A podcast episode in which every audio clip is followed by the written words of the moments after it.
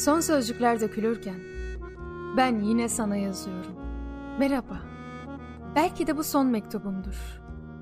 Bir öncekinde de aynı sözü vermiştim kendime. Tutamadım. Çünkü hala sendeyim.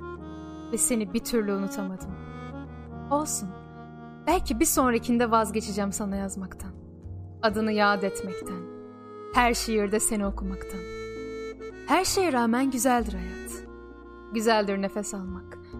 İnsan yok etse de doğayı, ağaçlar, denizler, kuşlar güzeldir. Sabah erkenden kuşların sesi güzeldir. Güneşin doğuşu ve batışı, ay karanlığında denizi seyretmek, rüzgarı hissetmek güzeldir. Hayır, sana kendimden bahsetmeyeceğim. O kadar ileri gitmem ben. Hukukumuz var seninle, bilirim.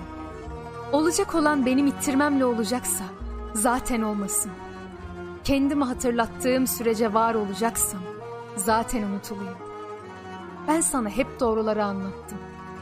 Bence doğadan bahsedelim. Bizden daha saf ve temiz gökyüzünden bahsedelim. Kendimi avuttuğum maviliğinden daha mavi, pınarlardan bahsedeyim. Yüreğinden daha berrak. Daha neleri anlatayım sana? Bir de gecelerden bahsedeyim. Yüreğinden daha kara. Bende bıraktığın izden bahsedeyim. Eğer bir şeyi unuttumsa anımsat bana. Tersinden okuyayım yaşamımı. Dünya ile benim aramda kalan bütün çığlıkları haykırayım. Sözcükler eğrilsin yeniden dokumak için. Yarım kalmasın bu oyun. Hiç kimse kaçamasın kendinden. Eğer bir şey yarım kaldıysa söyle. Tamamlayayım. Gecenin ardından gelmemiş bir sabah. Evine dönmemiş bir adam.